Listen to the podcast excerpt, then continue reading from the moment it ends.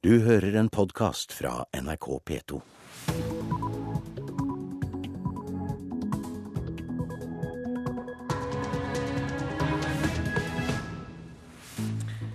Øystein Heggen ønsker deg velkommen til Nyhetsmorgen tirsdag 5.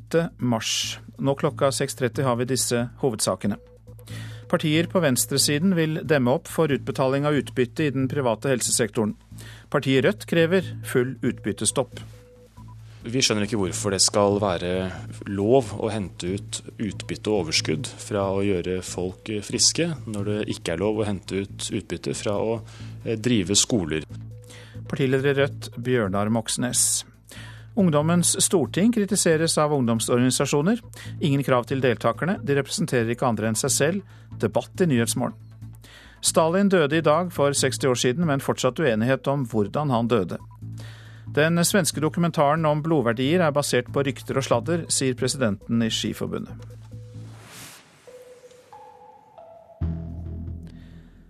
Partiene på venstresiden vil demme opp for utbytte i den private helsesektoren. Partiet Rødt går lengst og krever at kommersielle helsebedrifter må få utbyttestopp, sier partileder Bjørnar Moxnes. Vi skjønner ikke hvorfor det skal være lov å hente ut utbytte og overskudd fra å gjøre folk friske, når det ikke er lov å hente ut utbytte fra å eh, drive skoler. Han vil ha et helsevesen hvor det offentlige og ideelle institusjoner driver side om side. Eh, det vi ser nå er at i stedet lommeboka i stadig større grad bestemmer hvem som kan få eh, behandling først. Det offentlige bruker årlig rundt 11 milliarder kroner på kjøp av helsetjenester fra private. De største av dem opplyser at de ikke har utbetalt noe utbytte. I Sverige har private fått langt større spillerom enn her hjemme, og tjener gode penger. Venstresiden vil demme opp og hindre at offentlige kroner havner i eiernes lommer. Noe generelt forbud mot utbytte vil imidlertid verken Arbeiderpartiet eller SV ha. I Norge har vi veldig god kontroll eh, på det her, sier nestleder i Arbeiderpartiet Helga Pedersen.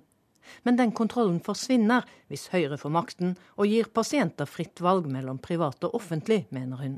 Det vil bety en massiv nedbygging av det offentlige helsevesenet.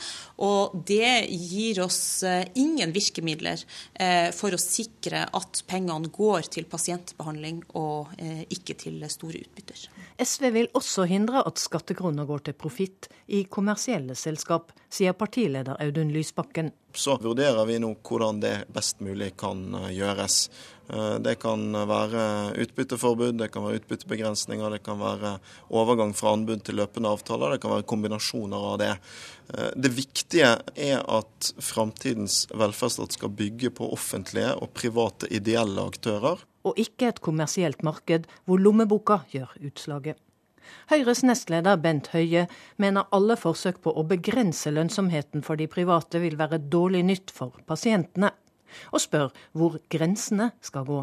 Skal det være forbudt å ta ut utbytte hvis en fysisk opererer en pasient, men lov å ta ut eh, utbytte hvis den gir eh, medisiner istedenfor? Og Høyre-forslaget om valgfrihet for pasientene gir ingen grunn til bekymring for utbyttefest, ifølge Høie. Og Da ønsker vi å bruke en del mer private, men eh, i Norge vil hoveddelen av all pasientbehandling, uansett om Høyre eller Arbeiderpartiet styrer, være i offentlig regi.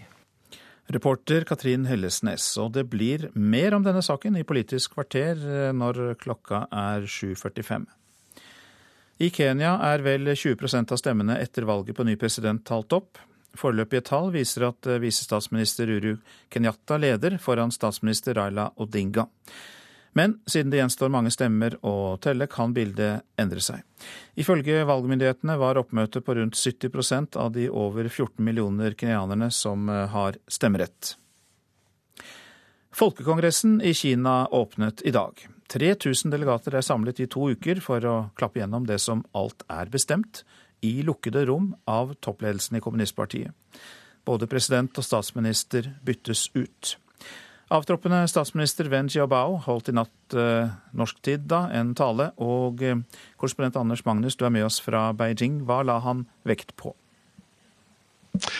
Det var en oppsummering, eh, nærmest en slags avskjed fra statsministeren. Han skal jo slutte nå, og mange ble nok veldig skuffet over at han ikke pekte noe mer framover på eh, hvordan man skal løse Kinas mange store problemer, f.eks. innenfor miljø, innenfor eh, økonomi, korrupsjon og ikke minst politisk reform, som har vært et slagord blant kommunistpartiets ledelse, men som foreløpig ikke er fylt med noe som helst innhold.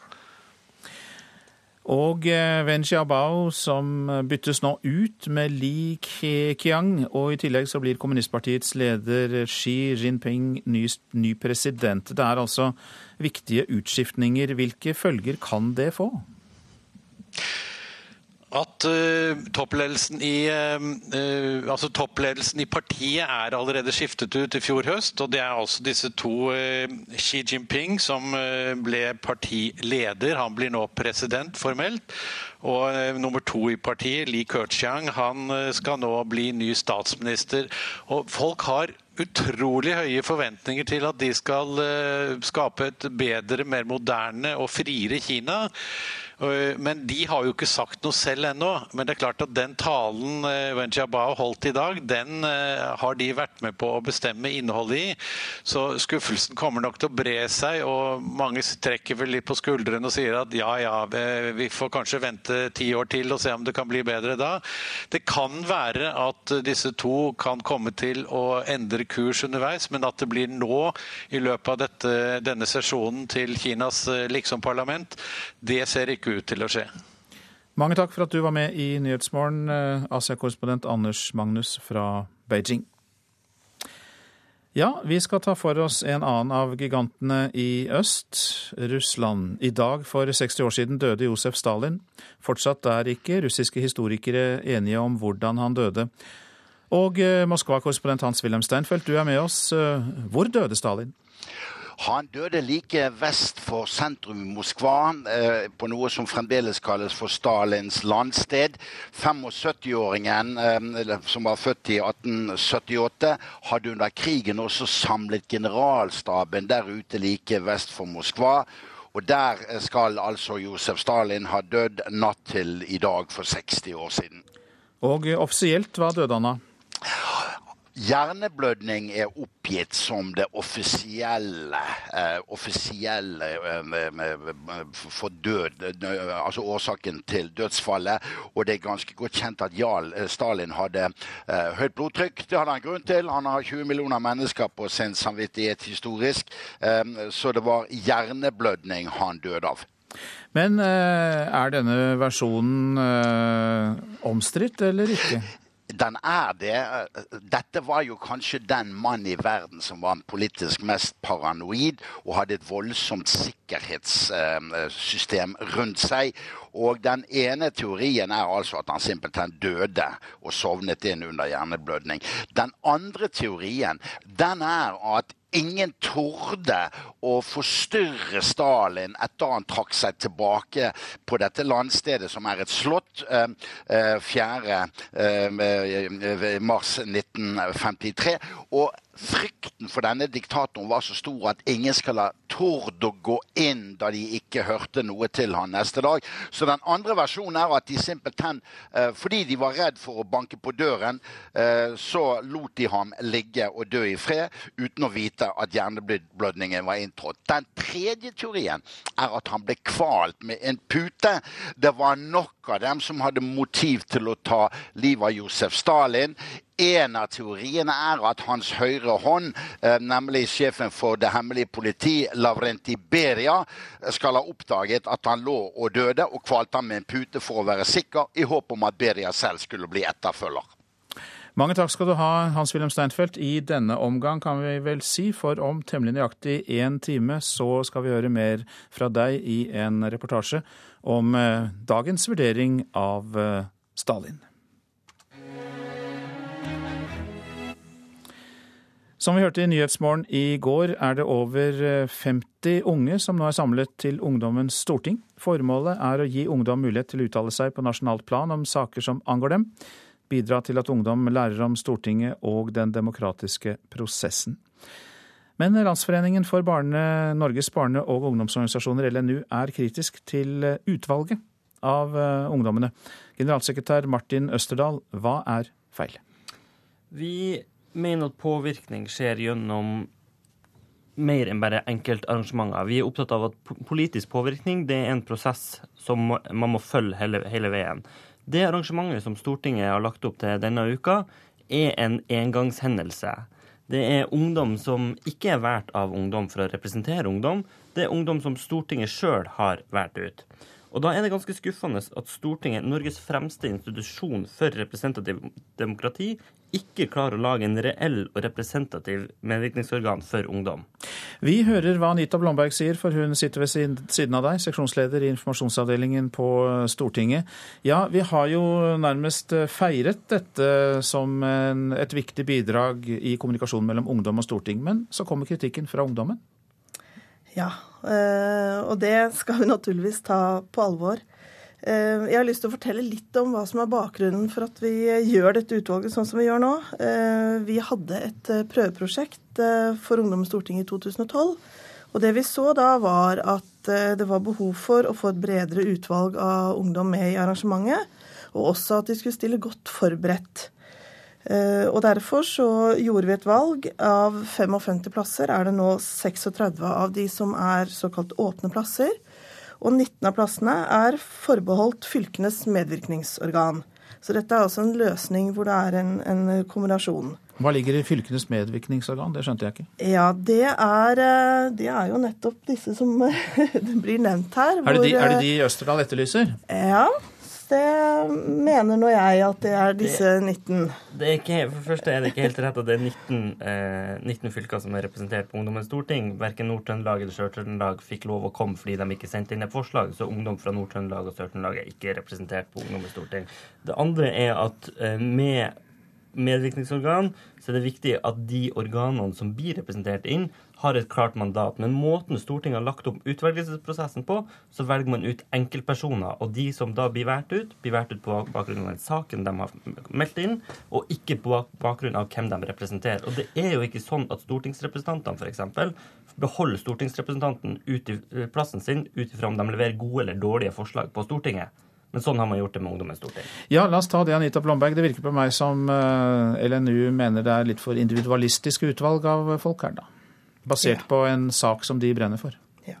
Eh, jeg vil gjerne kommentere det som ble sagt om, eh, om Sør- og Nord-Trøndelag. Det er riktig at Nord-Trøndelag ikke er representert. og det eh, syns vi er veldig leit at det har blitt sånn. Eh, Nord-Trøndelag har fått invitasjon både til skole, til organisasjoner. Men vi er, ikke, vi, vi er, ikke, så veldig opptatt av det, for det blir veldig lokalt for meg. Så det jeg er interessert i, er den kritikken om at dere går til et for individualistisk valg av personer. Ja. Det vi gjør, er eh, at vi inviterer alle ungdomsorganisasjoner, alle fylkene og alle videregående skoler til å legge fram forslag til saker. Eh, det er kommet inn 146 saker, og det er over 1000 ungdommer som har eh, stått bak og jobbet fram disse sakene. Eh, mange av dem kommer jo fra skoler hvor det er hele klasser som har jobbet med sakene.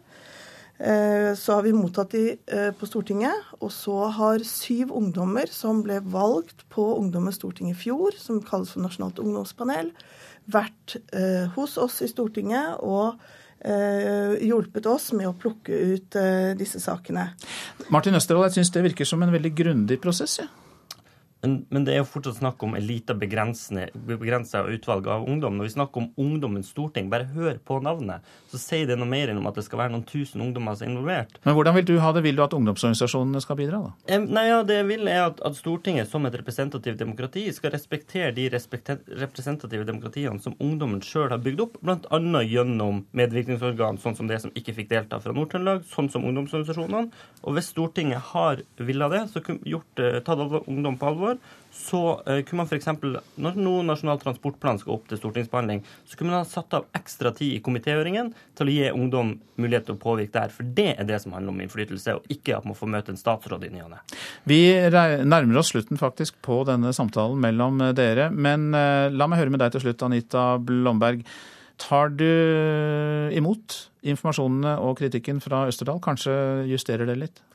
Vi skal helt sikkert snakke videre sammen om dette. Eh, det er også viktig for meg å få sagt at eh, vi sørger for at sakene også blir fulgt opp videre. Eh, de som får sakene sine vedtatt på Ungdommens storting, skal få lov til å legge de fram for komiteen, i tillegg til at det blir diskutert i dag med statsrådene. Så vi mener at dette er både god demokratilæring og en god mulighet for ungdom til å påvirke. Siste ord gikk til Stortingets administrasjon. Anita Blomberg, seksjonsleder i informasjonsavdelingen på Stortinget, hjertelig takk for at du kom, og for at du kom, generalsekretær Martin Østerdal i eh, LNU. Nå skal jeg si litt om det avisene skriver i dag. 30 helseledere fra Sør-Trøndelag er på tur til Australia, sponset av leverandører i helsebransjen, skriver Adresseavisen. Reisen varer i 20 dager, men kun fire dager til faglig program. Ordfører i Trondheim, Rita Ottervik, sier at reisen er brudd på kommunens etiske regelverk, og hun forventer at rådmannen rydder opp i saken. Bergensavisen forteller om 18 år gamle Tine Juel Hermansen fra Bergen, som fikk oppfylt drømmen om å jobbe på et barnehjem i Arusha i Tanzania. Det lot seg gjøre takket være minnefondet etter Tore Eikeland, som var leder for AUF i Hordaland og var et av ofrene for terroren på Utøya. Ann Kristin Wang ble headhuntet til en toppjobb i eh, en oljejobb i Tromsø, men i morgen er hun igjen husløs, skriver Nordlys. Wang sier at hun med sine 25 års arbeidserfaring fra byer i Norge og utlandet aldri har opplevd maken til leiemarkedet i Tromsø. Han ba innstendig om hjelp. Mamma gjorde ingenting. Det er oppslaget i VG dagen etter at moren til Kristoffer Gjerstad Kile ble dømt for passiv medvirkning til volden som kostet sønnen livet. Våpeneksporten til USA stuper, skriver Aftenposten. Amerikanerne kriger mindre, og det går utover norske arbeidsplasser. Budsjettkuttene i USA slår også rett inn i norsk forsvarsindustri. Og Nammo på Raufoss må permittere 30 ansatte. Jobbmarkedet er blitt mer kjønnsdelt, skriver Dagsavisen. Sju av ti ansatte i det offentlige er nå kvinner. Kvinner med familie søker trygghet og korte dager i det offentlige, og NHO er bekymret. Erik Solheim tar et generaloppgjør med SV, skriver Klassekampen på sin forside. Audun Lysbakken mangler karakter, Heikki Holmås er enig med siste taler, og SV har sviktet både som skole- og miljøparti, mener altså Solheim. Erik Solheim presset på for å få med Kristelig Folkeparti i regjering, skriver Vårt Land. Han mener det ville gitt de rød-grønne en bredere profil og større mulighet til å vinne høstens valg. Veksten for oljeselskapene langs motorveien fra Oslo til Asker er skyhøy, både i kroner og i hoder, skriver Dagens Næringsliv. Det er nemlig en tøff kamp om ingeniører og geologer i Stavanger, men det er lettere å få tak i dem i Oslo-området. Sjekk når våren kommer til deg, skriver Dagbladet, som viser kart over vårens ankomst i forskjellige deler av landet. Det internasjonale skiforbundet går ikke videre med påstandene som ble fremmet i den svenske dokumentaren om høye blodverdier blant langrennsløpere på 1990-tallet. President Gianfranco Casper i FIS mener dokumentaren er basert på rykter og sladder.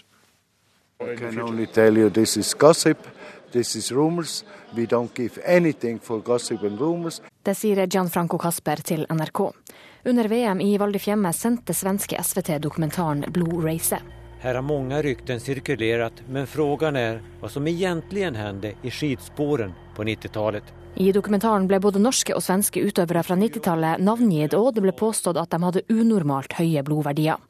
En av hovedkildene var den utestengte finske langrennstreneren Kari-Pekka Kyrö. I møtet med Kyrö tar han plutselig fram noen papper. FIS-presidenten mener bevisene ikke holder, og krever at de som eventuelt sitter på slik informasjon, må gå ut med den. Innholdet i dokumentaren anser Kasper som så useriøst at FIS ikke går videre med saken. Proofs, proofs, a, uh, how should I say, a situation against the Norwegian athletes or whatever. This is just ridiculous, so we don't even get enter into it. Og eh, det var eh, Kari Stokke-Nielsen som var reporter i dette innslaget. Ja, Du lytter til eh, Nyhetsmorgen, og klokka den er eh, ganske snart 6.50. Partier på venstresiden vil eh, demme opp for utbetaling av utbytte i den private helsesektoren. Partiet Rødt krever full utbyttestopp. Foreløpige tall fra valget i Kenya viser at visestatsminister Uru Kenyatta leder foran statsminister Raila Odinga, men det er kun om lag 20% av stemmene som er talt opp foreløpig. Hva ble sagt under spionrettssaken mot Arne Treholt? Høyesterett skal ta stilling til pressens innsyn i rettsreferatene. Mer om det om noen minutter. Men nå her i Nyhetsmorgen om dataspill, video og lesestoff på nett som tar opp mye tid for barn og unge. Det vil Harstad skole på Randaberg utenfor Stavanger gjøre noe med. Nå går lærere, foreldre og elever sammen og innfører én spillefri dag i uka. Og så ser du som han gjør med vilje. Ja, men det gjorde han. Og så brakk han håndleddet. Han gjorde det med vilje. Sjuendeklassingene er samla rundt datamaskinen i Storefri på Harestad skole på Randaberg. Nå er det videonettstedet YouTube som står på. Oi! Hva er han samme? Det er samme. Og det går mye tid med til bruk av PC, nettbrett og mobiltelefon. Det kan Charlotta Hagevik bekrefte. Jeg ofte, spiller noen sånn iPod-spill og andre ting. Og så er jeg ofte inne på Instagram der jeg legger ut bilder, og Skype når jeg snakker med venner, og så leser jeg blogger.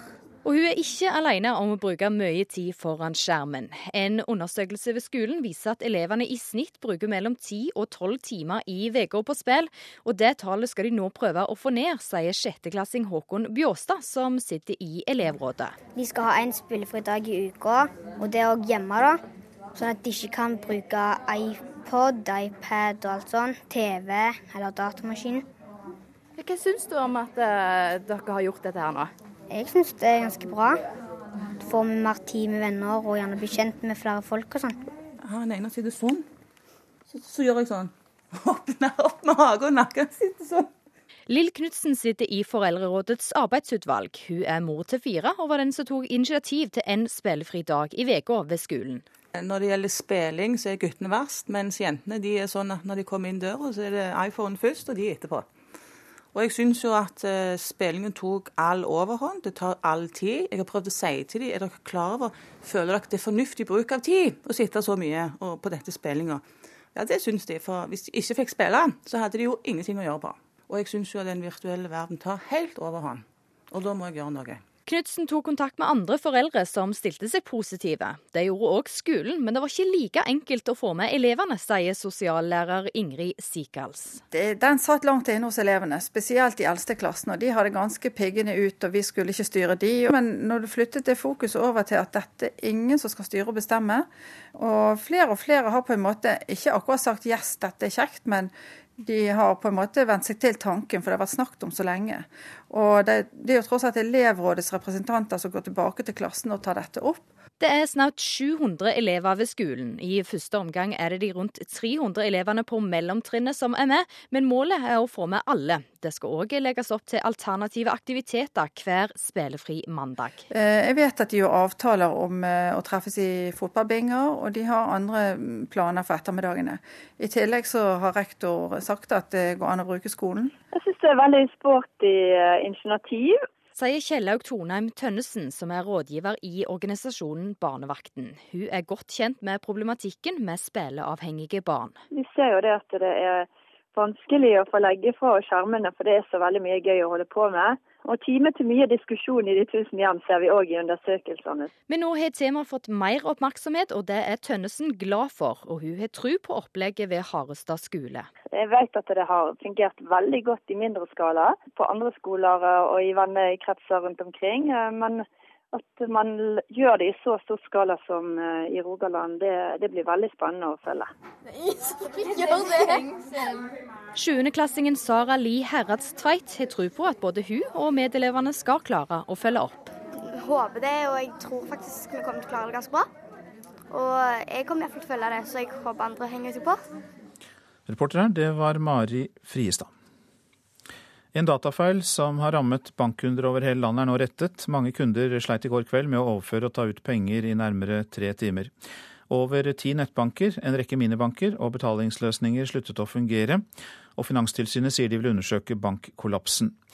Geir Remman, kommunikasjonssjef i Evry, det ansvarlige IT-selskapet, sier det var en beklagelig feil, og ønsker denne granskningen velkommen.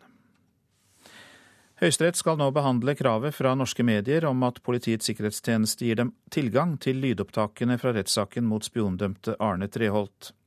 Lydbåndene gir innblikk i en historisk unik sak, mener politisk redaktør i Aftenposten Harald Stanghelle. Saka er helt unik. Det er norgeshistoriens største spionsak. Grunnen til at det ble gjort lydbrannopptak, var nettopp av historiske og dokumentariske årsaker.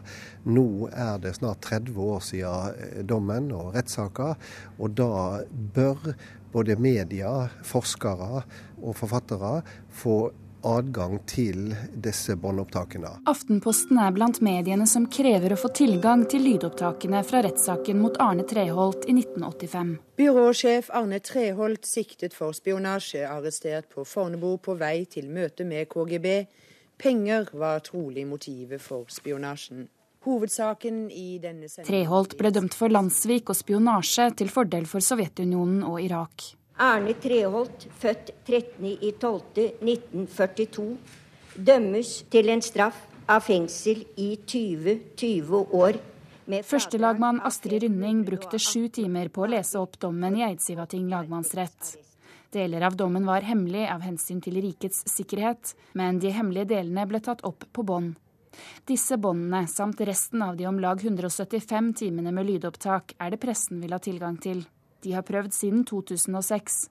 Media vant fram i tingretten, men tapte i lagmannsretten og anket til Høyesterett.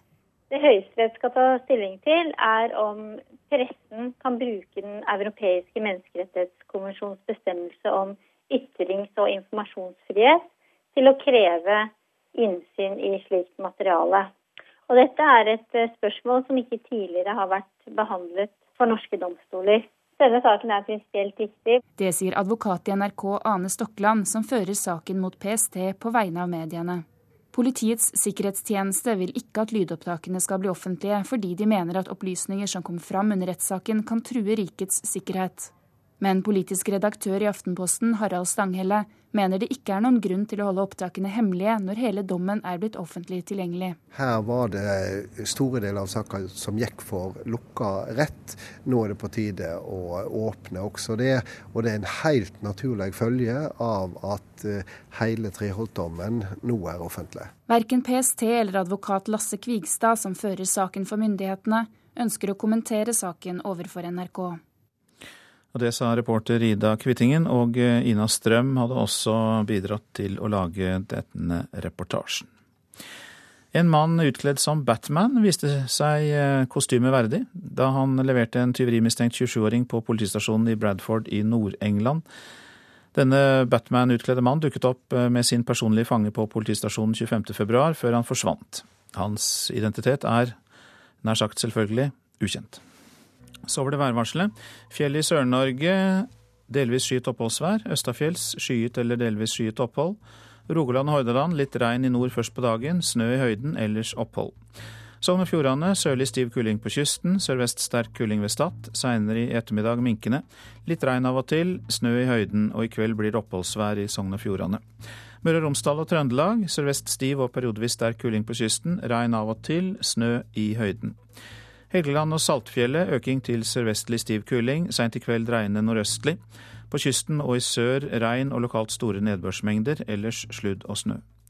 Salten, Ofoten, Lofoten og Vesterålen får litt snø, først i sør. I ettermiddag nordøstlig stiv kuling. Troms får mye pent vær i dag. I formiddag øker det til nordøstlig stiv kuling på kysten. Enkelte snøbyger blir det på kysten og i nord, men ellers da stort sett opphold.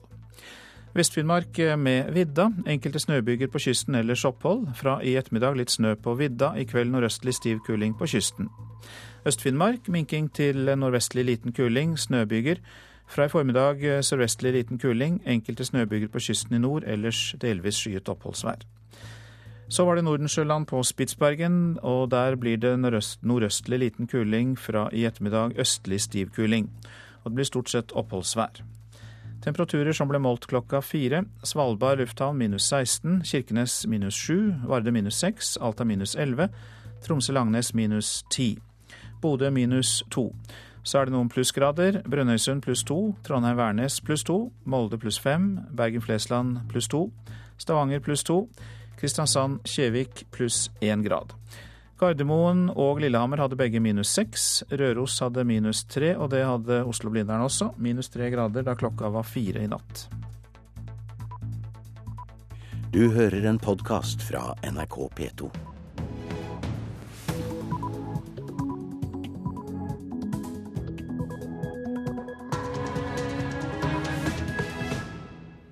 Klokka er sju, og du lytter til P2s Nyhetsmorgen. Her i studio, Øystein Heggen.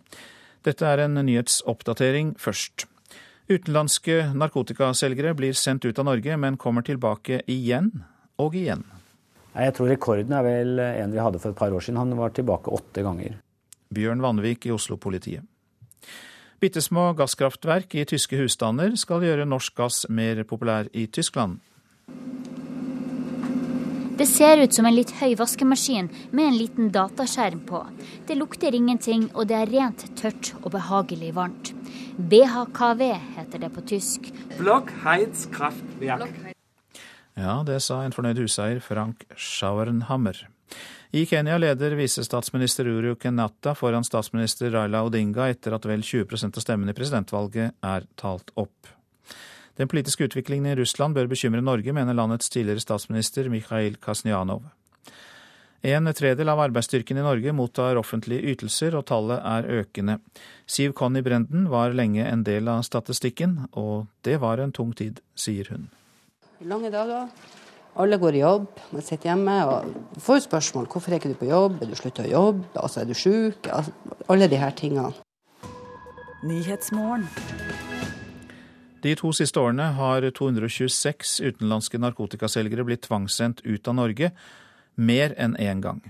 Bare i fjor brukte politiet over to millioner kroner på flybilletter og reisefølge til utenlandske dopselgere, som har vært på samme reise før.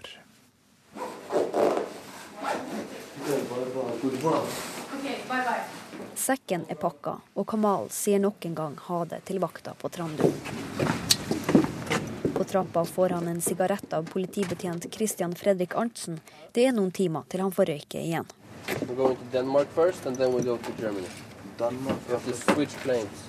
20-åringen sitter snart på et fly til Tyskland. Han er dømt for narkotikasalg og vold, men nå skal han vekk fra norske gater. Why did you have to go to Ullersmo?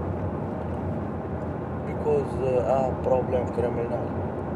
You did something criminal? Yes. Kriminelle utlendinger skal ut av Norge, men problemet er at mange kommer tilbake. En av ti straffedømte utlendinger som blir tvangsreturnert, har blitt det før. Det er klart det oppleves helt sikkert frustrerende for de som treffer på den samme personen flere ganger. Sier Ole Johan Heir, sjef i politiets utlendingseining. Problemet er størst i Oslo. Der kommer om lag en fjerdedel av narkotikaselgerne som blir tvinga ut av landet, tilbake. 200 har blitt sendt ut mer enn én gang de siste to åra. Jeg tror rekorden er vel en vi hadde for et par år siden. Han var tilbake åtte ganger. Sier Bjørn Vandvik, politiinspektør i Oslo politidistrikt. Jeg opplevde at de er tilbake før ledsagerne fra politiet er tilbake i byen. Åpne grenser i Schengen-området og at folk i Norge betaler mye for narkotika, lokker mange kriminelle tilbake, mener han. Jeg tror vi aldri kommer til å vinne dette helt, altså. Men jeg tror vi skal klare å begrense det. Men det er fortsatt mer enn nok der ute. To politimenn sjekker inn sammen med Kamal. Det er ikke første gang politiet har fulgt unggutten ut av Norge. Heller ikke andre. Denne mandagsmorgenen er tredje gang på et halvt år Kamal blir uttransportert. Men denne gangen kommer jeg ikke tilbake, sier han og går inn på flyet.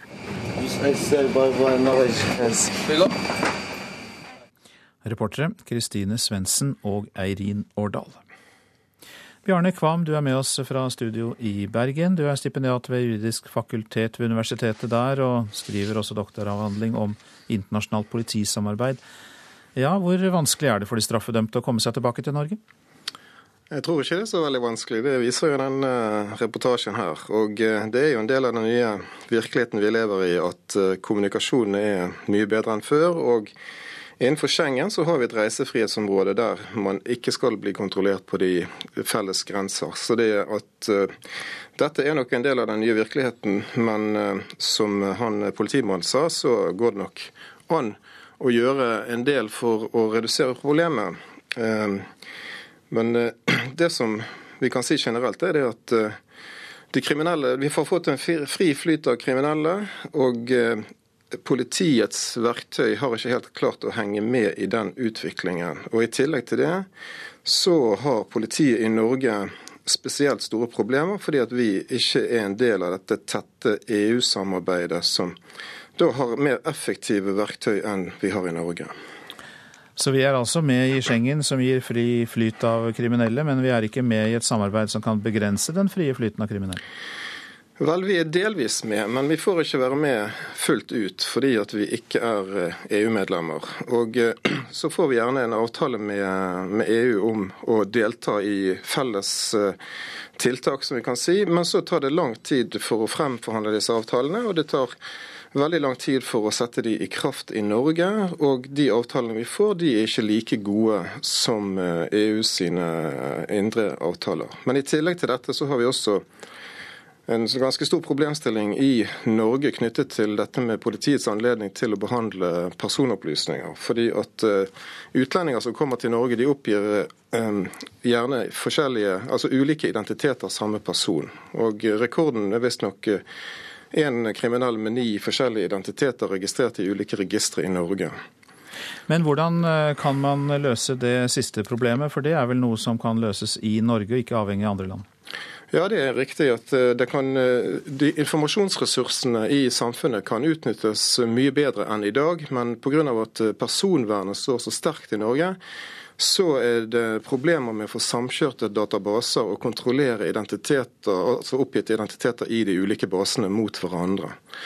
Men dette er en begrensning som ikke bygger på, etter min analyse, ikke bygger på rettslige problemer, men mer et politisk valg. Men det at eh, kriminelle da sendes ut av landet og kommer tilbake igjen etter mer eller mindre kort tid, det er jo en evig runddans som i hvert fall norske skattebetalere kommer til å bli grundig lei av. De betaler altså for å sende dem ut. Millioner av kroner hører vi, uten at det blir noen løsning. Ja, Det er helt riktig, det.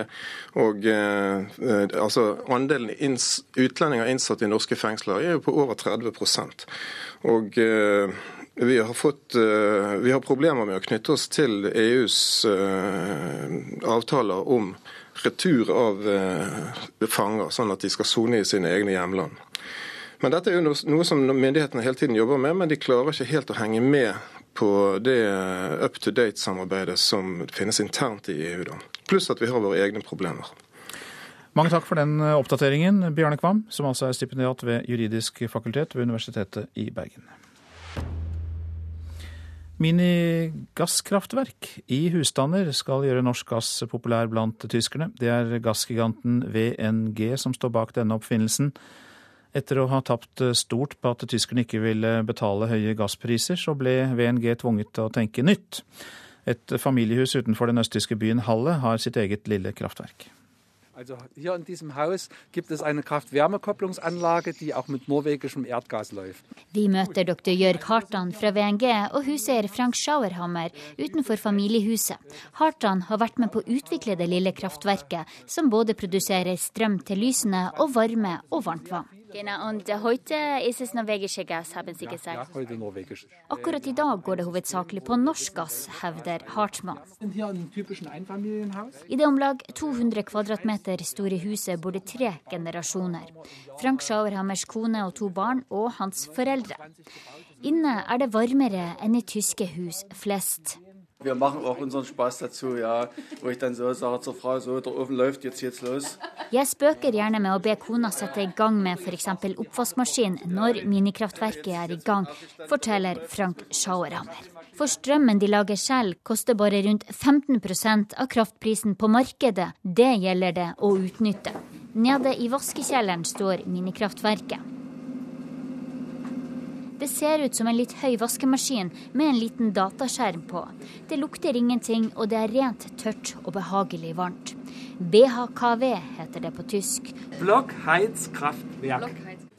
Noen mil unna, i Leipzig, ligger hovedkvarteret til Tysklands tredje største gassimportør, VNG.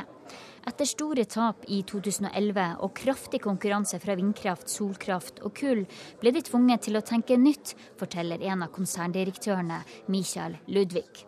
Ja, Strategie. Ähm, Prognoser viser at gass blir mindre viktig for Tyskland framover. Dass das aber auch unsere Aufgabe ist, Erdgas so zu vermarkten, dass es attraktiv ist für, äh, für den Kunden im Markt, also attraktiv bleibt auch. Det blir vår jobb å markedsføre gassen slik at den blir attraktiv. Og minigasskraftverkene er en del av strategien, forteller Ludvig. I fjor klarte selskapet å snu underskudd til overskudd. Det gjorde de bl.a. ved å forhandle seg fram til en lavere pris for den gassen de kjøper fra Statoil. Noe som betyr lavere inntekter til den norske velferdskassa, men også at familien Schauerhammer får billigere strøm og varme. Det er nå rundt 300 hjem med egne kraftverk. Når det koster over 112 000 kroner å installere, gjenstår det å se hvor mange andre som følger etter. For både faren og kona syns til å begynne med at det virket skummelt å ha et gasskraftverk i kjelleren. Ja, de var litt skeptisk. Men nå føler de seg trygge, forteller Frank Schauerhammer. Så de føler seg sikre? Ja, jeg har damit keine problemer. Reporter i Tyskland, det var Linda Reinholdsen. God morgen, Karen Sund. Du er grunnlegger og daglig leder av Sund Energy. Og eh, ja, vi hørte jo her om at det var 300 slike minigasskraftverk hjemme hos folk. Tror du at dette er løsningen, å få slike småkraftverk i de tusen tyske hjem for å få solgt norsk gass? Jeg tror i hvert fall mange husholdninger i Tyskland vil ønske å lage sin egen kraft når kraftprisene går opp. Og det gjør de av, av ulike grunner. For den norske gassen så er det jo også fint om folk som har høyere betalingsvillighet, kan betale for den. For de store kraftverkene bruker heller kull. Eller de store kraftselskapene bruker heller kull i dag. Da Angela Merkel eh, var her for et par uker siden på en kjapp tur, så fikk vi inntrykk av at tyskerne ville kjøpe det meste av den norske gassen vi kan tilby. Men det er ikke så enkelt, har vi fått høre i det siste. Det er ikke Angela Merkel som kjøper gassen. Angela Merkel er sjef over politikerne. Og de har mange forskjellige ønsker. De ønsker bl.a. mer fornybart. Og de ønsker også rimelig kraftpris til sine industrier. Den rimeligste kraftprisen kommer i dag fra Eller kraftselskapene ønsker å bruke kull, for det tjener de penger på, og for tiden taper de penger på å bruke gass. Så alle politikere, enten de er fra Tyskland eller England eller andre land, vil ønske at Norge legger til rette for mer gass til landet deres. Det betyr ikke at de har tenkt å kjøpe, det er ikke de som bestemmer kjøpsbeslutningen. Men jo mer gass som kommer, jo mer er det mulig å få prisen ned, tenker de. Og eh, Norge har mye mulighet for å flyte gass til disse landene. Det, prisen settes da av tilbud og etterspørsel, og så må man se om tilbudet er så stort som de ønsker, at prisen går ned. Og det gjør den ikke foreløpig. Men det betyr at vi kanskje er nødt til å finne oss i at prisen går ned etter hvert. Det er vel noe som er kommet fra den tyske tenketanken Øko-institutt som viser det? Altså, tyskerne ønsker at prisen skal gå ned. Mm. Men um, qatarere og russere ønsker ikke at prisen skal gå ned. Og de holder da tilbake en del gass for at ikke prisen skal bli for lav. Den må nesten halveres, eller kvoteprisen må over 40 euro for at det skal lønne seg å bruke gass istedenfor kull i dag. Du har skrevet i en artikkel i Kapital som kommer denne uka at gass betales lavere enn olje og er dyrere å utvinne og transportere. Eh, hva betyr det for eh, den norske statens inntekter etter hvert? Altså, det jeg skriver i den artikkelen, er at vi stort sett tenker på gass som oljeekvivalente. Man regner det om til olje, og da er det fort gjort mentalt å gange det med over 100 dollar fatet. Men um, når prisen både er lavere og kostnadene ved å transportere er så høye, så må man gange med helt andre tall. Og uh, så må man ta noen strategiske valg, og de kan ikke Norge ta egentlig alene. Men vil man at vi skal selge ut mye gass og ha stort volum i markedene, så må prisen ned. Og det er hyggelig for kraftindustrien i Europa, men da vil enkelte felt i Norge, særlig i nord, ikke tjener så mye penger. Vil vi ha høye priser, så må vi holde mye gass tilbake. Og det er ikke dagens strategi. Men uh, skulle man gjort det, så ville det vært naturlig at det er de feltene lengst nord som ikke kommer på så fort som man ellers ville tenkt. Og vi må lære oss å gange annerledes, som du da sier. Mm. Takk skal du ha, Karen Sund, som altså er daglig leder av Sund Energy. Dette er Nyhetsmorgen, og klokka den går mot kvart over sju. Dette er hovedsakene våre. Politiet brukte over to millioner kroner i fjor på flybilletter og reisefølge til utenlandske narkotikaselgere. Mange av dem kommer tilbake gang etter gang. Venstresiden frykter privatisering av helsevesenet. Ingen skal bli rik av å levere helsetjenester til det offentlige. Det mener partiet Rødt. En tredel av arbeidsstyrken i Norge mottar offentlige ytelser, og tallet er økende. Mer om det snart.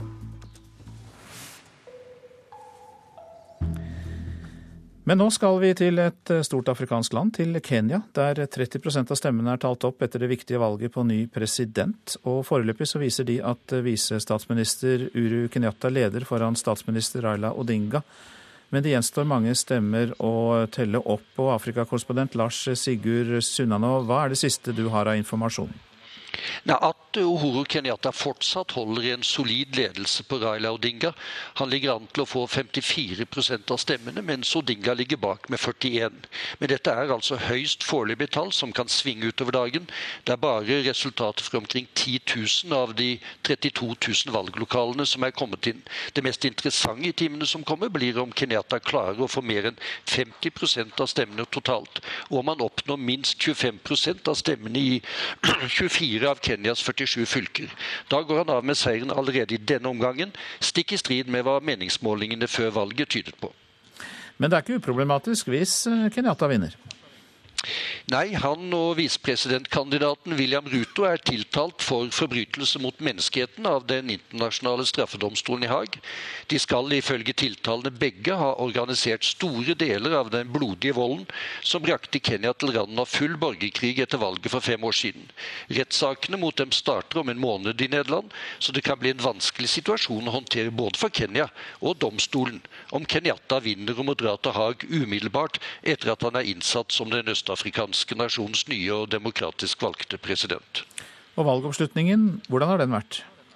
Godt over 70% av Kenyas 14,3 millioner registrerte velgere har møtt frem og gjort borgerplikten sin. Lederen for den offisielle valgkommisjonen er svært fornøyd med fremmøtet, særlig fordi valgdagene i går gikk uten vold og alvorlige sammenstøt, med noen få enkeltunntak. Det som er imidlertid er spennende nå, er hva som vil skje i de store slumområdene her i Nairobi, om Kenyatta tar en klar seier i presidentvalget. Svært mange av dem som bor i Kibera Matare-slummene, er stammefrender av Raila Odinga, luor, og det kan lett bli alvorlige opptøyer dersom Odinga taper, så klart som de foreløpige resultatene kan tyde på.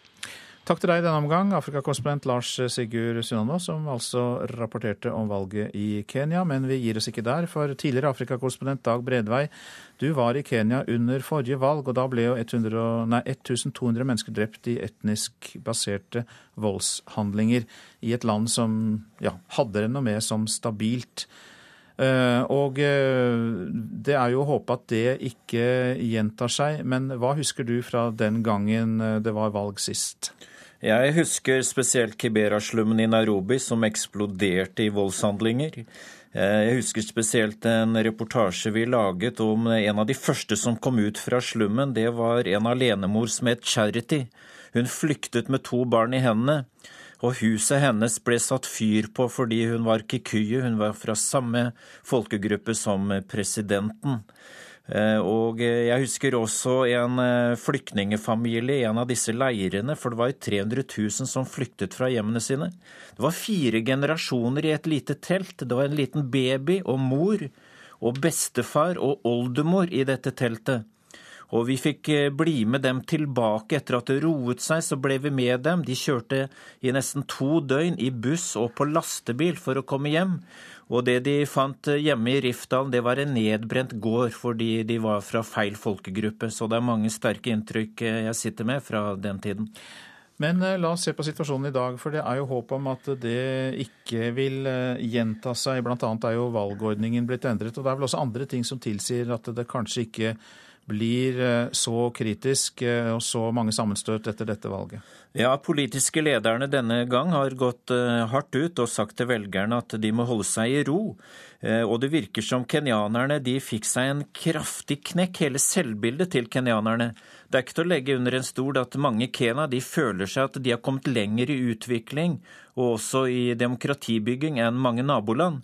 Og Derfor så var det et sjokk for mange kenyanere også det som skjedde ved, ved forrige valg.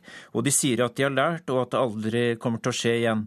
Eh, I tillegg da så er det dempende dette som har skjedd med at Uhuru Kenyatta og en annen politiker som heter William Ruto, de er tiltalt ved Haag-domstolen.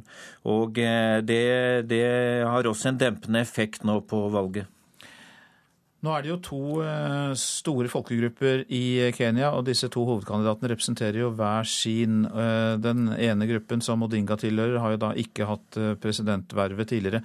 Eh, Odinga derimot er jo da Vestens yngling. Hvorfor, hvorfor, er han det, han som ser ut som ligger dårligst an nå i dette valget? Ja, han er Vestens yndling. altså Helt tilbake til 80-tallet. Han bodde faktisk i eksil i Norge for en kort periode, og en lengre periode i Sverige. Den tiden da Daniel Arab Moi var president i Kenya. Eh, han har også eh, markert seg på, på en måte. altså Han har en god forbindelse til USA og de vestlige landene.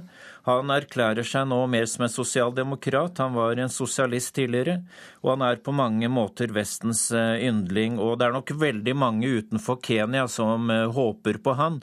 Men nå ligger han jo litt bak da Uhuru Kenyatta etter at 30 av stemmene er talt opp, som vi hørte. Ja, eh, du Dag Bredvei, tidligere Afrikakorrespondent, følger med på det som skjer i dag, sammen med Lars Sigurd Sunna nå, som er i Kenya. Så da får vi bare følge med videre på utviklingen i dette valget. Den politiske utviklingen i Russland nå for den bør bekymre Norge, mener landets tidligere statsminister Mikhail Kasjanov. Den norske etterretningstjenesten la vekt på russernes satsing på militæret i den årlige rapporten som ble lagt fram i går. Kasjanov tror ikke på en militær konflikt i nord, men mener det er grunn til uro for den politiske utviklingen i Russland. Norway and other countries should concern that. Um, uh, in fact, that's a little game, I would put this way. But uh, of course, if we allow... Mikhail Kasjanov kaller det et spill. NRK spør om Norge bør være bekymret for den militære opprustningen i Russland som Etterretningstjenesten viste til i sin ugraderte rapport i går. For begge land er nordområdene et satsingsfelt. For Norge har det vært regjeringens viktigste prioritet i utenrikspolitikken de siste åtte åra. I dag er spenningsnivået i nord lavt, men det kan bli uenigheter om sjørutene når isen smelter. Russlands tidligere statsminister Mikhail Kasjanov tror ikke på en militær konflikt i nord, men mener Norge bør frykte den politiske utviklingen i Russland. Of, uh, uh, uh, um, Russia, uh, that, case, that will be, that will han viser til det han kaller styrkingen av antidemokratiske krefter. Really da Vladimir Putin ble president igjen i mars i fjor, ble han møtt av protester og kritikk fra menneskerettsorganisasjoner. De beskylder Putin for å vingeklippe opposisjonen og stemple organisasjoner som mottar pengehjelp fra utlandet, som spioner. Kasjanov mener Norge og andre land må presse Russland mer for å innføre demokratiske verdier og hindre en negativ utvikling. Values in, in life, is, will prevent uh. Mikhail Kasjanov var Putins statsminister i fire år, og sammen med Putin den statsministeren som har sittet lengst etter Sovjetunionens oppløsning. Han ble avsatt i 2004 og sluttet seg til opposisjonen. Kasjanov er møtt med anklager om korrupsjon, og fikk ikke stille som presidentkandidat i 2008, offisielt pga. juks med underskrifter.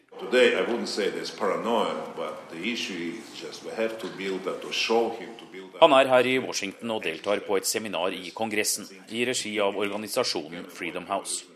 En ny tilnærming, eller alt som før, USA og EUs forhold til Russland etter Putins straffereaksjon, står det på innkallingen til de rundt 150 oppmøtte.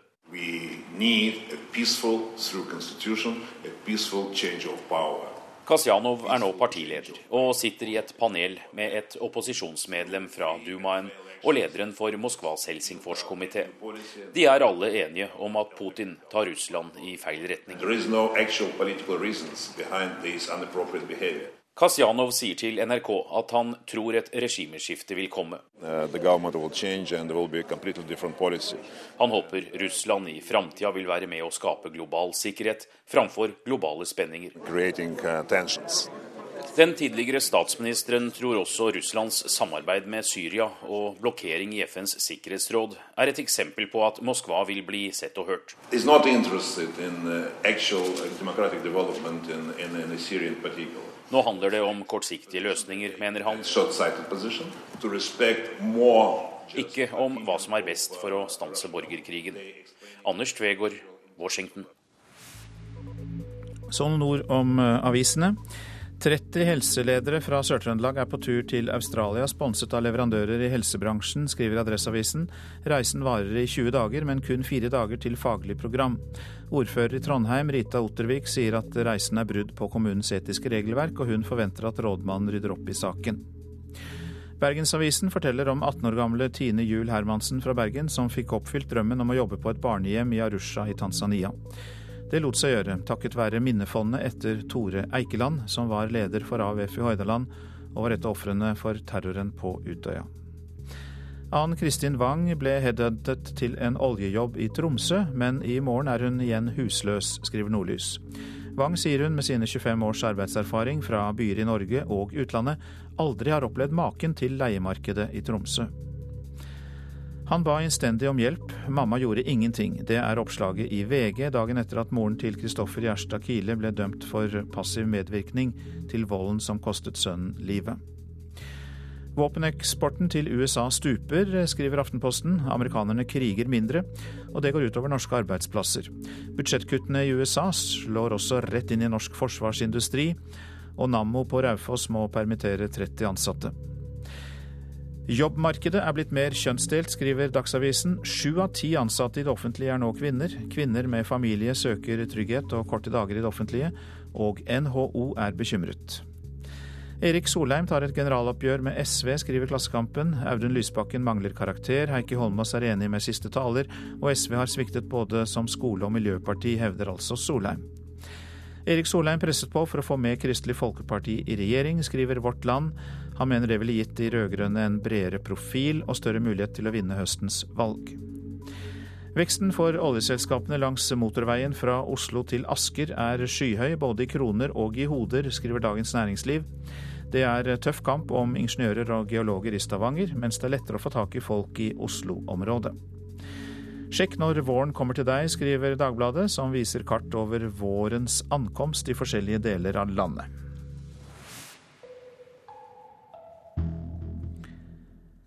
En tredel av arbeidsstyrken i Norge befinner seg helt eller delvis utenfor arbeidsmarkedet og mottar ulike former for ytelser, og antallet øker. Siv Conny Brenden var lenge en del av statistikken, nå er hun tilbake i arbeidslivet for fullt. Mange av disse kan ikke arbeide av helsemessige årsaker og har behov for å, å, få en ytelse. og Det er på en måte styrken i velferdssamfunnet at vi kan inntektssikre dem. Men vi vet at mange av de ønsker å komme seg tilbake til arbeidslivet dersom forholdene var lagt til rette for det. Hugvik snakker om de nesten 850 000 personene i Norge som befinner seg helt eller delvis utenfor arbeidslivet. De mottar ytelser i form av sosialhjelp, sykepenger, arbeidsavklaringspenger eller uførepensjon. Av den totale arbeidsstyrken på 2,5 millioner personer utgjør de en tredjedel, og de blir stadig flere. Og, og, Vi mener at vi er nødt til å være mye tydeligere på det at det går faktisk an å være arbeidsfør, for det om du er yrkesufør i akkurat det yrket du er i. Mange har kanskje vært i et yrke de ikke lenger kan fortsette, men ved å, å, få, å gjøre tiltak, foreta omskoleringer, eh, ser på kompetansen, så, så, tror vi at det skal være mulig å få flere av de over i, da, i, i arbeid, men da i andre yrker. Hugvik mener et godt samarbeid mellom Nav, leger og arbeidsgivere er helt nødvendig for å klare utfordringa. I veldig stor grad så er det personer som går lenge sykemeldt, som da ender opp på arbeidsavklaringspenger, som igjen ender opp på uføre. Og hvis vi på et tidligere tidspunkt får avklart folk ifra kanskje det som vi kaller for å være yrkesufør, til å være arbeidsfør, og får dem i riktig retning, så kan både arbeidsgivere og, og, og leger og Nav i samarbeid med den enkelte utgjøre en stor forskjell. Reporter her, det var Katrine Humberseth. I dag er det 60 år siden den sovjetiske diktatoren Josef Stalin døde, men i Russland holdes det vitenskapelige seminarer om den betydningen Stalin kan ha for nåtiden. Mer i reportasjen etter Dagsnytt. Utbytte eller ikke til de som eier private helseforetak, det er et av temaene i Politisk kvarter. Produsent for Nyhetsmorgen, Vidar Eidhammer. Her i studio, Øystein Heggen. Du hører en podkast fra NRK P2. Politiet bruker store ressurser på å kaste kriminelle ut av Norge, men mange av dem kommer tilbake. Helsetopper fra Trøndelag bryter regelverket på sponset reise til andre siden av jorden. Og Stine Sofies stiftelse er opprørt over at Kristoffer Gjerstad Kiles mor slipper fengsel. God morgen, her er NRK Dagsnytt klokken 7.30. De to siste årene har 226 utenlandske narkotikaselgere blitt tvangssendt ut av Norge mer enn én en gang. Bare i fjor brukte politiet over to millioner kroner på flybilletter og reisefølge til utenlandske dopselgere som har vært på samme reise før.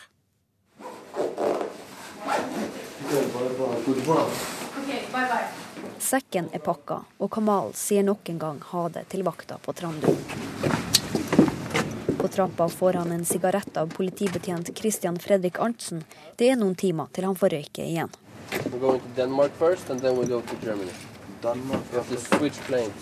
20-åringen sitter snart på et fly til Tyskland. Han er dømt for narkotikasalg og vold, men nå skal han vekk fra norske gater. Why did you have to go to Ullersmo? Because uh, I have problem criminal. You did something criminal? Yes.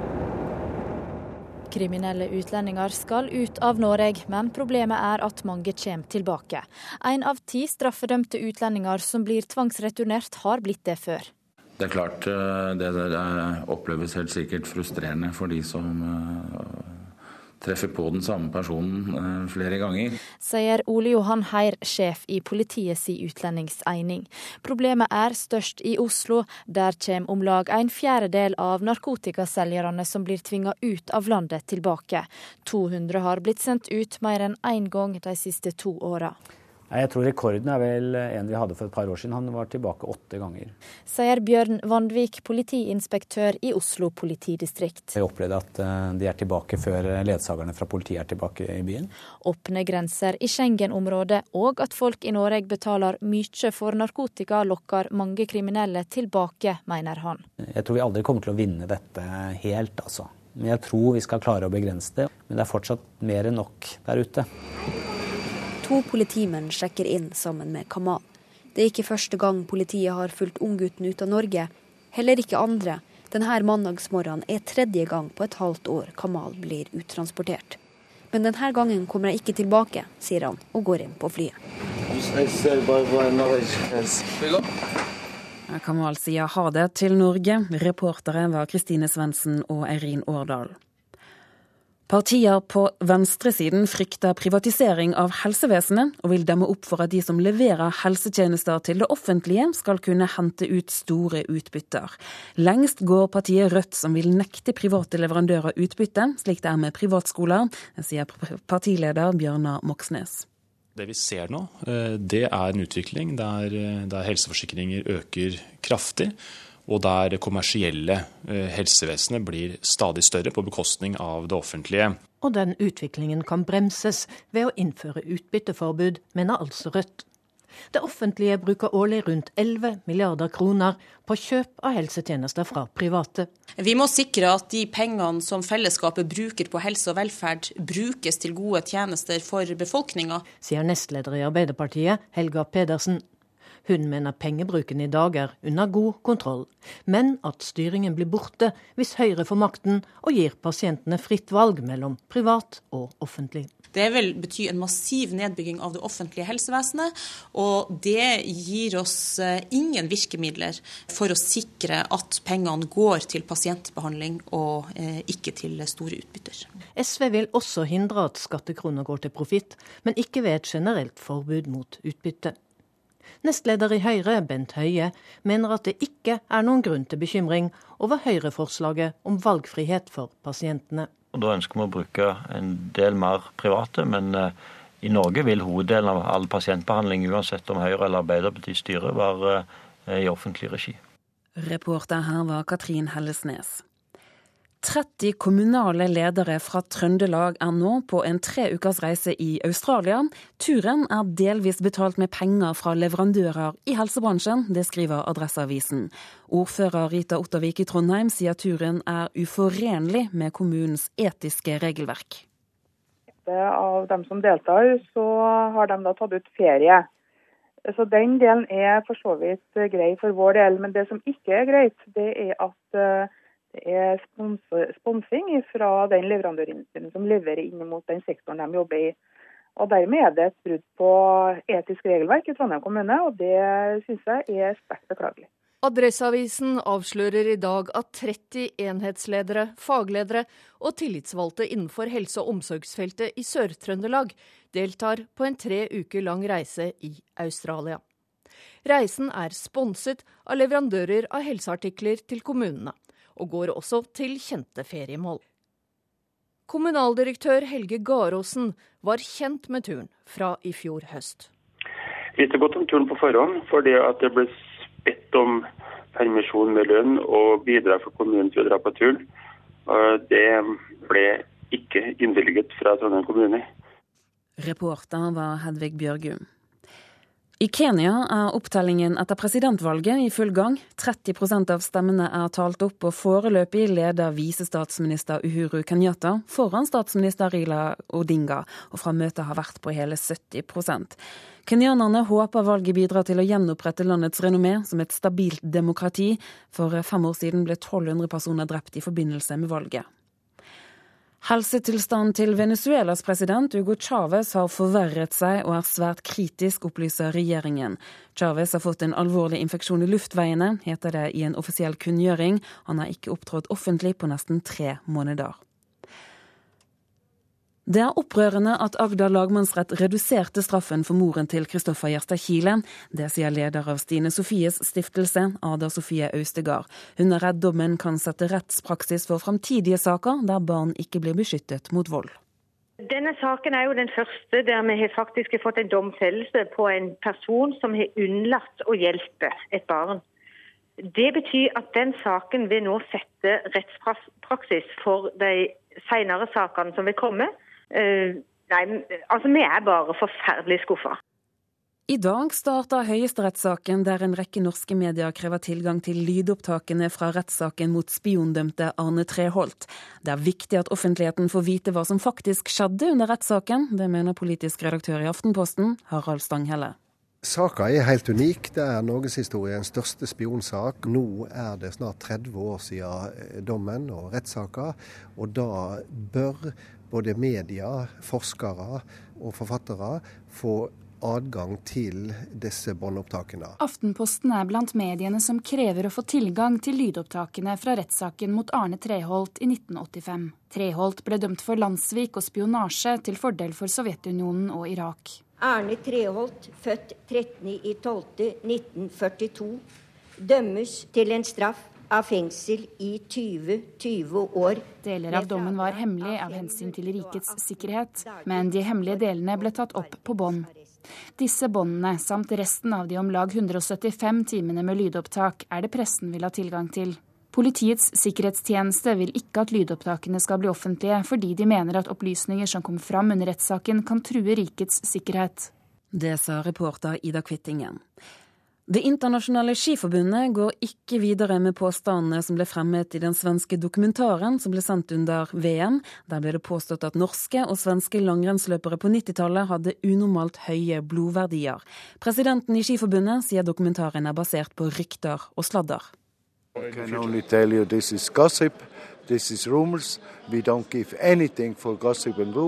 Det sier Gianfranco Casper til NRK. Under VM i Val di Fiemme sendte svenske SVT dokumentaren Blod Race. Her har mange rykten sirkulert, men spørsmålet er hva som egentlig hendte i skisporene på 90-tallet.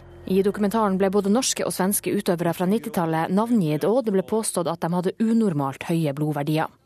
En av hovedkildene var den utestengte finske langrennstreneren Kari-Pekka Kyrö. I møtet med Kyrö tar han plutselig fram noen papper FIS-presidenten mener bevisene ikke holder, og krever at dem som eventuelt sitter på slik informasjon, må gå ut med den. Innholdet i dokumentaren anser Kasper som så useriøst at FIS ikke går videre med saken.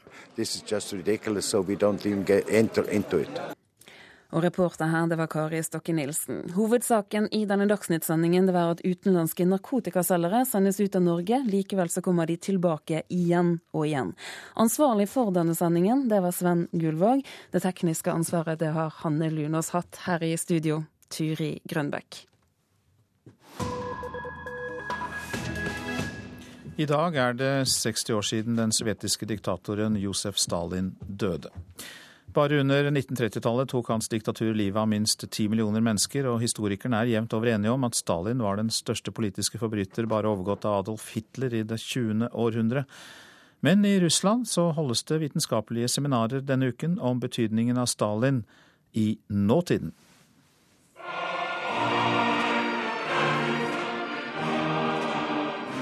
I dag for 60 år siden døde den sosialistiske hyrden, som han ble kalt. Ja, alle folks hyrder, hevdet russerne. Josef Vissarionovitsj Stalin. Arbeidere i alle land forente seg under hans magiske regime på 30-tallet. I Norge forsvarte selv Martin Tranmæl den gang Stalins terror mot Trotskij, og dermed delvis Moskva-prosessene i den berømte avisdebatten med Helge Krogh. 1930-tallet hadde vært den store terror mot eget sovjetfolk, og i ly av internasjonalen tok Stalins diktatur livet av rundt ti millioner menn alene, født mellom 1880 og 1910. Men Stalins seier over nazismen delte han med sovjetfolket, sier president Vladimir Putin i dag, men legger dette til om utrensningene som den pris sovjetfolket måtte betale for Stalins regime. Но репрессии, тем не менее, имели место быть. Это факт. От них пострадали миллионы наших сограждан. И, безусловно, в этот период мы столкнулись не просто с культом личности, а с массовыми преступлениями против собственного народа. Это тоже факт. Men undertrykkelsen fant sted, og millioner av våre medborgere led pga. denne undertrykkelsen. Det er et faktum. Og i denne perioden opplevde vi ikke bare persondyrkelsen av Stalin, men også massive forbrytelser mot vårt eget folk. Dette er også et faktum, sier president Vladimir Putin i dag, selv tidligere KGB-offiser.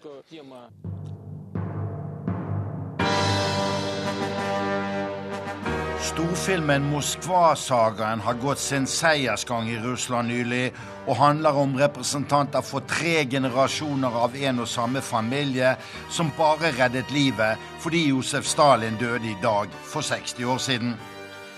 Som følge av Josef Stalins kollektivisering av jordbruket forsvant bøndene som gruppe, sier president Putin nå. Begge bestefedrene til tidligere president Mikhail Gorbatsjov ble arrestert som følge av denne kollektiviseringen, som skapte en hungersnød i 1934 da fem millioner sultet i hjel. Selv om pinlig mange russere fortsatt hymner Stalin, er for mye publisert også under presidentene Dmitrij Medvedev og Vladimir Putin til at stalinisme kan oppstå på nytt. Ikke engang sovjetnostalgi har særlig grobunn etter deres oppgjør med Stalin. Her er dagens statsminister Dmitrij Medvedev og hans karakteristikk av regimet til massemorderen Stalin, som altså døde for 60 år siden i dag, den 5. mars 1953. Мы должны помнить, к чему привели эти репрессии. Я сейчас не буду называть никаких цифр. Вот моя оценка. Vi må huske hva represjonene førte til. Jeg skal ikke tallfeste ofrene, men jeg mener det som skjedde den gangen, fortjener den hardeste historiske vurdering. Og dette må forbli i våre historiske analer for at noe slikt aldri må kunne gjentas. For å føre krig mot eget folk er den alvorligste av alle forbrytelser den aller alvorligste forbrytelse slo statsminister Dmitrij Medvedev fast her. Hans-Wilhelm Steinfeld, Moskva. Dette er Nyhetsmorgen. Vi har disse hovedsakene. Utenlandske narkotikaselgere ble sendt ut av Norge, men kommer tilbake igjen og igjen. Bitte små gasskraftverk i tyske husstander skal gjøre norsk gass mer populær i Tyskland. Og Stine Sofies stiftelse er opprørt og fortvilt over at Kristoffer Gjerstad Kiles mor slipper fengsel. Trine Skei Grande og Trond Giske har kommet til studio. Det er klart for debatt i Politisk kvarter. Bjørn Myklebust. Venstre vil ha fem års lærerutdanning og rett og plikt til videreutdanning. Arbeiderpartiet vil ha fem års lærerutdanning og rett og plikt til videreutdanning. Går det an å ha debatt mellom to som er enige?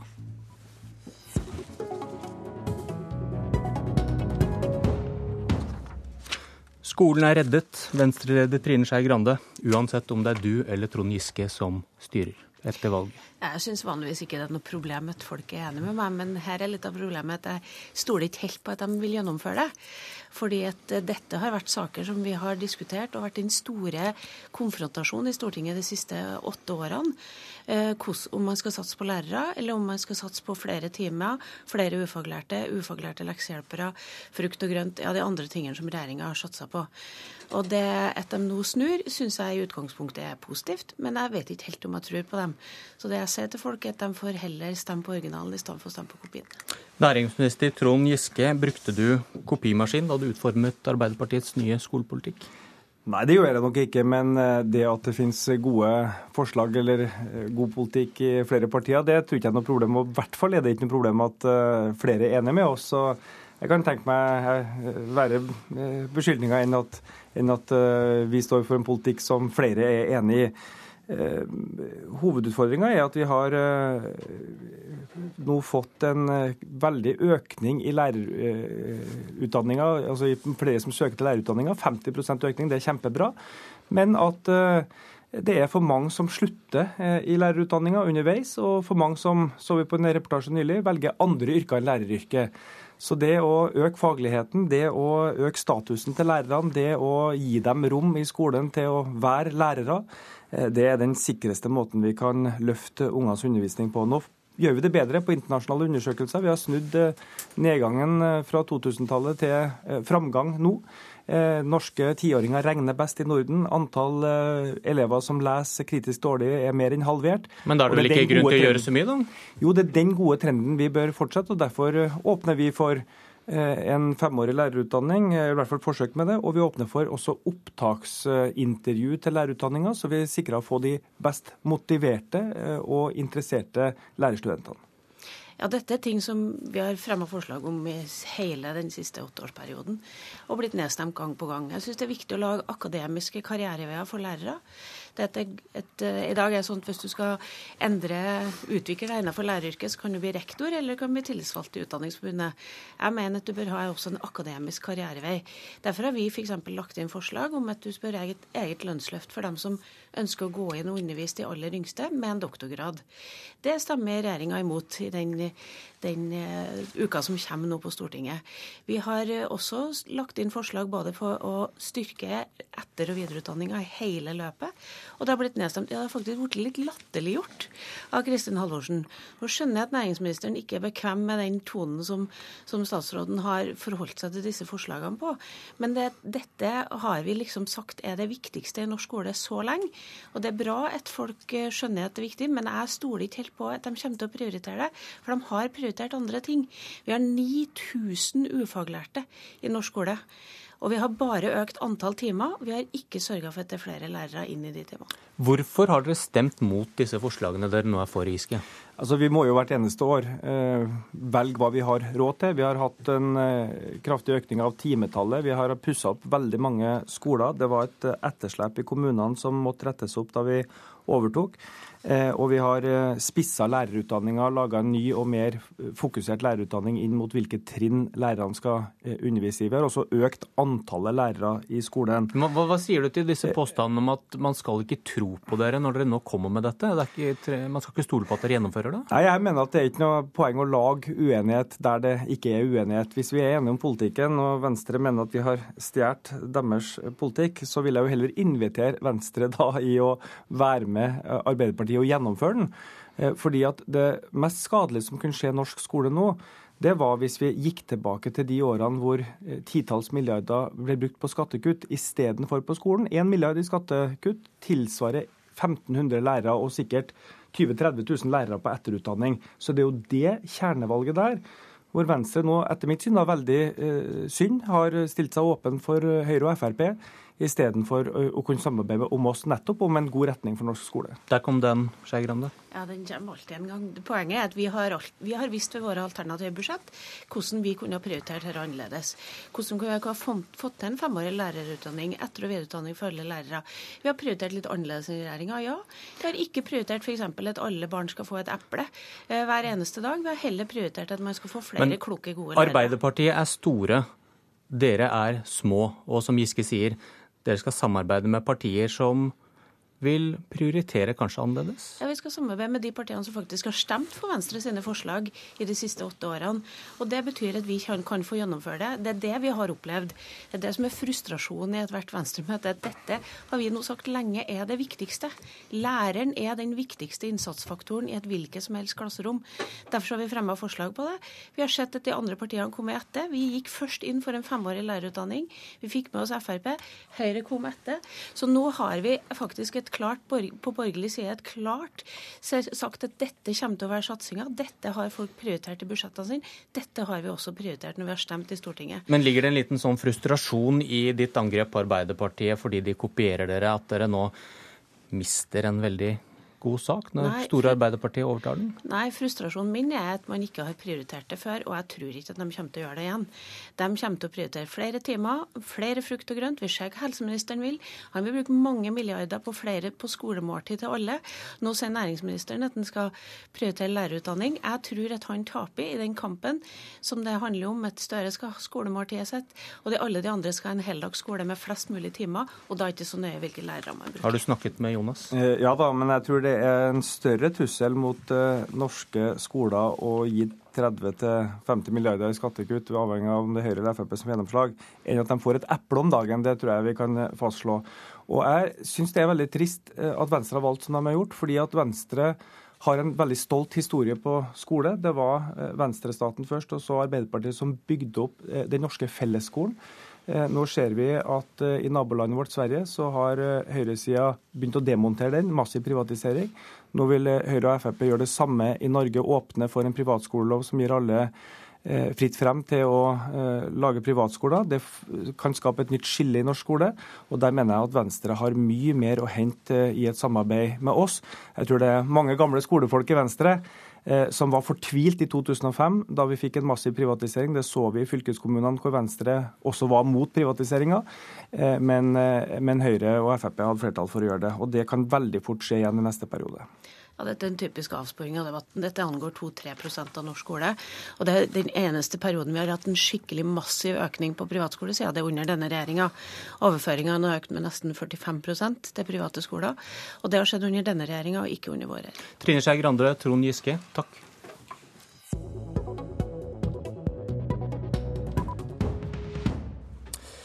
Ingen skal anklage mine to neste gjester for å være enige om noe som helst.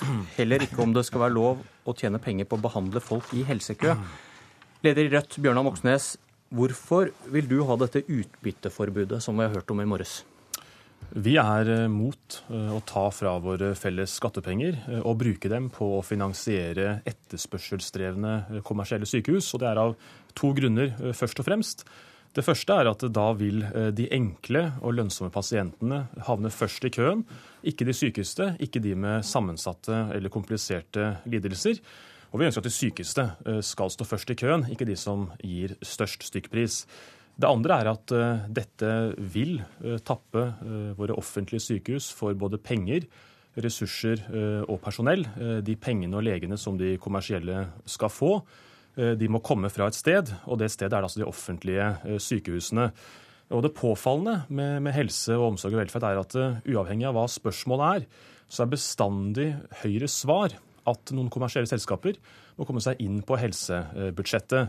I velferdsstaten så fungerer det ikke etter vårt syn å leke butikk, og ingenting tyder på at det blir noe bedre av at private investorer får hente ut eh, overskudd. Så vi vil heller ha fellesskapsløsninger i fellesskapet framfor denne butikken som Høyre nå ønsker å innføre også på sykehusområdet. Men det er ikke noe, er ikke noe forbud mot utbytte i dag, og det offentlige kjøper over 11 milliarder i private helsetjenester. og Er det noen som tar utbytte i dag, da?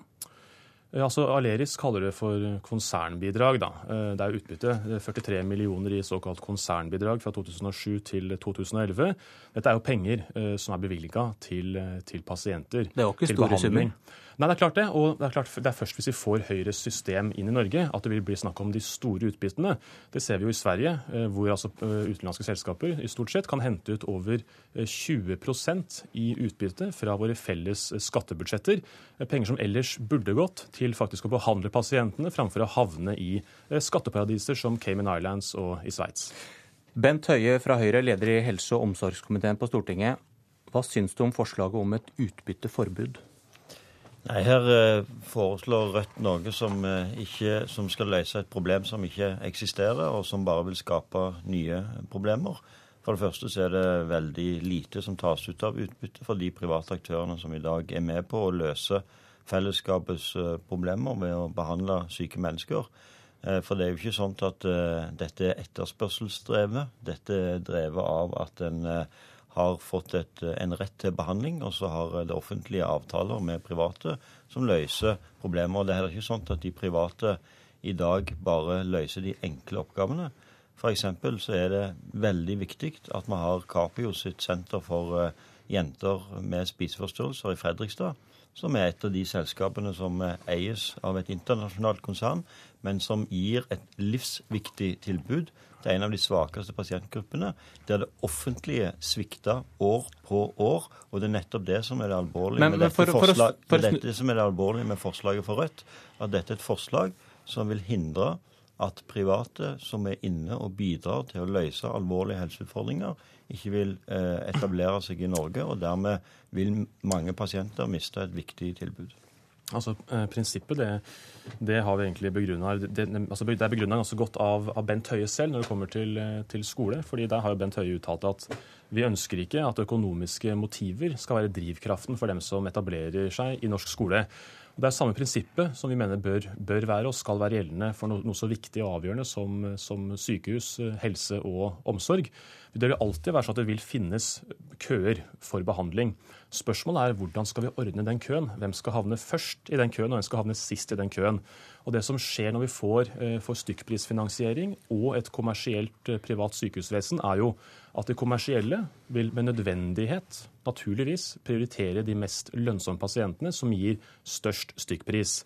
Da vil det også få bygd opp kapasitet og både sykehuslokaler og flytte over leger og personell fra det offentlige til et kommersielt helsevesen, hvor dette er prioriteringen. Det vil føre til, det vil føre til, Bent Høie Det vil føre til, Bent Høie Et øyeblikk, jeg kan fullføre. Det vil føre til, det vil føre til at de som har sammensatte lidelser, som er kronikere, som er vanskelig å behandle, som ikke er mest lønnsomme, at de vil havne enda lenger bak i den offentlige køen, fordi de enkle går foran over til de kommersielle. Hvor er det han tar feil, Høie? Nei, Han beskriver et helsevesen som ingen partier i Norge går inn for, så det er en ganske uinteressant uh, diskusjon. Uh, dessuten så Hva er feil for, for, Jo, fordi at det er, ingen, det er ingen, Norge, ingen partier i Norge som foreslår et etterspørseldrevet helsevesen. Det er ingen i Norge som, eh, som foreslår at uh, at pasienter som ikke har blitt vurdert av det offentlige, eh, skal kunne på en måte ta med seg en offentlig sjekk til et privat eh, sykehus. Dessuten så er den beskrivelsen som man gir av private, en nedlatende holdning til veldig mange av de private som tar seg av noen av de sykeste pasientene vi har i dette landet. F.eks. så er det nesten ikke offentlige tilbud til ruspasienter i Norge. Det er i all hovedsak private tilbud. Rehabiliteringssektoren, som tar seg av noen av de sykeste, drives i all hovedsak av private. Men jeg får spørre Høie, ja. ønsker du at eh, folk som tilbyr privat helse, skal tjene mer penger, skal ta ut mer utbytte i framtiden fordi du mener det er en god, god drivkraft? Absolutt ikke. ikke. sånn at Hvis det problemet som Rødt Hvorfor er ikke et utbytteforbud like greit? da? Nei, fordi at, at fordi at, det vil bare være, skape problemer i forhold til å definere hvem skal få lov til å ta et utbytte, og hvem skal vi ikke. Det er veldig mange aktører i dag innenfor privat sektor som er med på å løse helseproblemer. F.eks. alle de som utvikler nye medisiner, nytt medisinsk-teknisk utstyr. De som leverer eh, helsepersonell til sykehusene våre, bemanningsselskapene. Eh, så dette vil bare skape trøbbel. Men hvis det, er sånt hvis det er sånt, at vi oppdager at de private aktørene innenfor helse begynner å tjene veldig mye penger, så har vi et veldig enkelt, effektivt virkemiddel. Det er staten som betaler pris, bestemmer prisen. Så hvis vi kommer til å oppdage at noen kommer til å tjene mye penger på dette, så setter vi bare ned prisen. Nå får du ti sekunder, Moxnes. si. Det ja, det er en tilsnikelse å, å skyve de ideelle private foran seg i kampen for å åpne opp helsevesenet for kommersielle eh, selskaper som ønsker profitt først og fremst, og ikke primært ønsker behandling av de sykeste pasientene. Ingen enighet. Politisk kvarter er slutt. Du har hørt en podkast fra NRK P2.